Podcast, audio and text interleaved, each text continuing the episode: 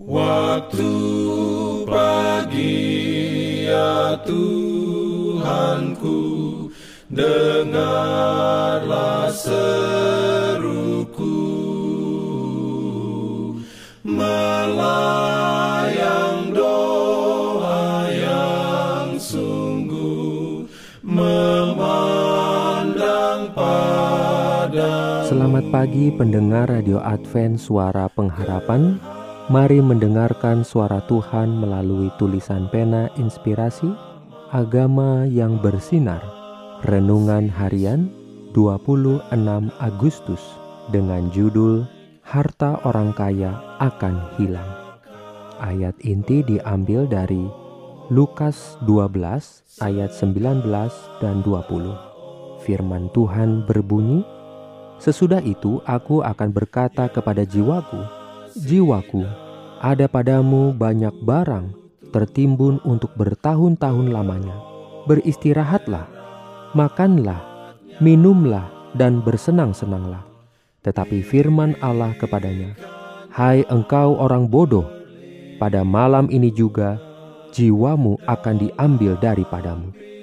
Dan apa yang telah kau sediakan, untuk siapakah itu nanti? Pimpin aku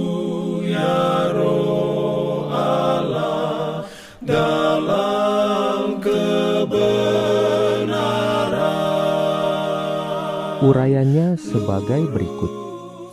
Lamanya hidup dan kebahagiaan hidup tidak tergantung pada jumlah harta duniawi kita. Orang kaya yang bodoh ini dalam keegoisannya yang tertinggi telah mengumpulkan harta yang tidak dapat dia gunakan untuk dirinya sendiri. Dia telah hidup hanya untuk dirinya sendiri. Dia telah melampaui batas dalam perdagangan, telah melakukan tawar-menawar yang tajam, dan tidak menunjukkan belas kasihan atau kasih Tuhan. Dia telah merampok anak yatim dan janda, dan menipu sesamanya untuk menambah harta duniawinya yang semakin bertambah dia seharusnya bisa menempatkan hartanya di surga dalam tas yang tidak usang. Tetapi karena ketamakannya, dia kehilangan kedua-duanya. Pria yang sepenuhnya asyik dengan ruang perhitungannya, pria yang menemukan kesenangan di meja judi, pria yang suka memanjakan nafsu makan yang menyimpang, pecinta hiburan, pengunjung teater dan ruang dansa, menyingkirkan keabadian dari perhitungan mereka. Seluruh beban hidup mereka adalah apa yang akan kita makan, apa yang akan kita minum, dan dengan apa kita akan mendapatkan pakaian. Mereka tidak sedang dalam prosesi yang bergerak menuju surga. Kemurtatan besar memimpin mereka, dan bersama hal itu mereka akan dihancurkan. Amin.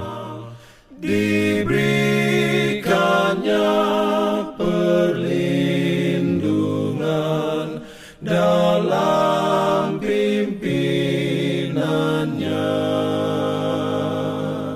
Pimpinan. Jangan lupa untuk melanjutkan bacaan Alkitab sedunia.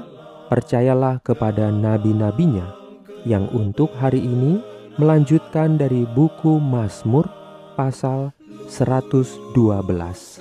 Selamat sabat dan selamat berbakti. Tuhan memberkati kita semua. Jalan kewajiban,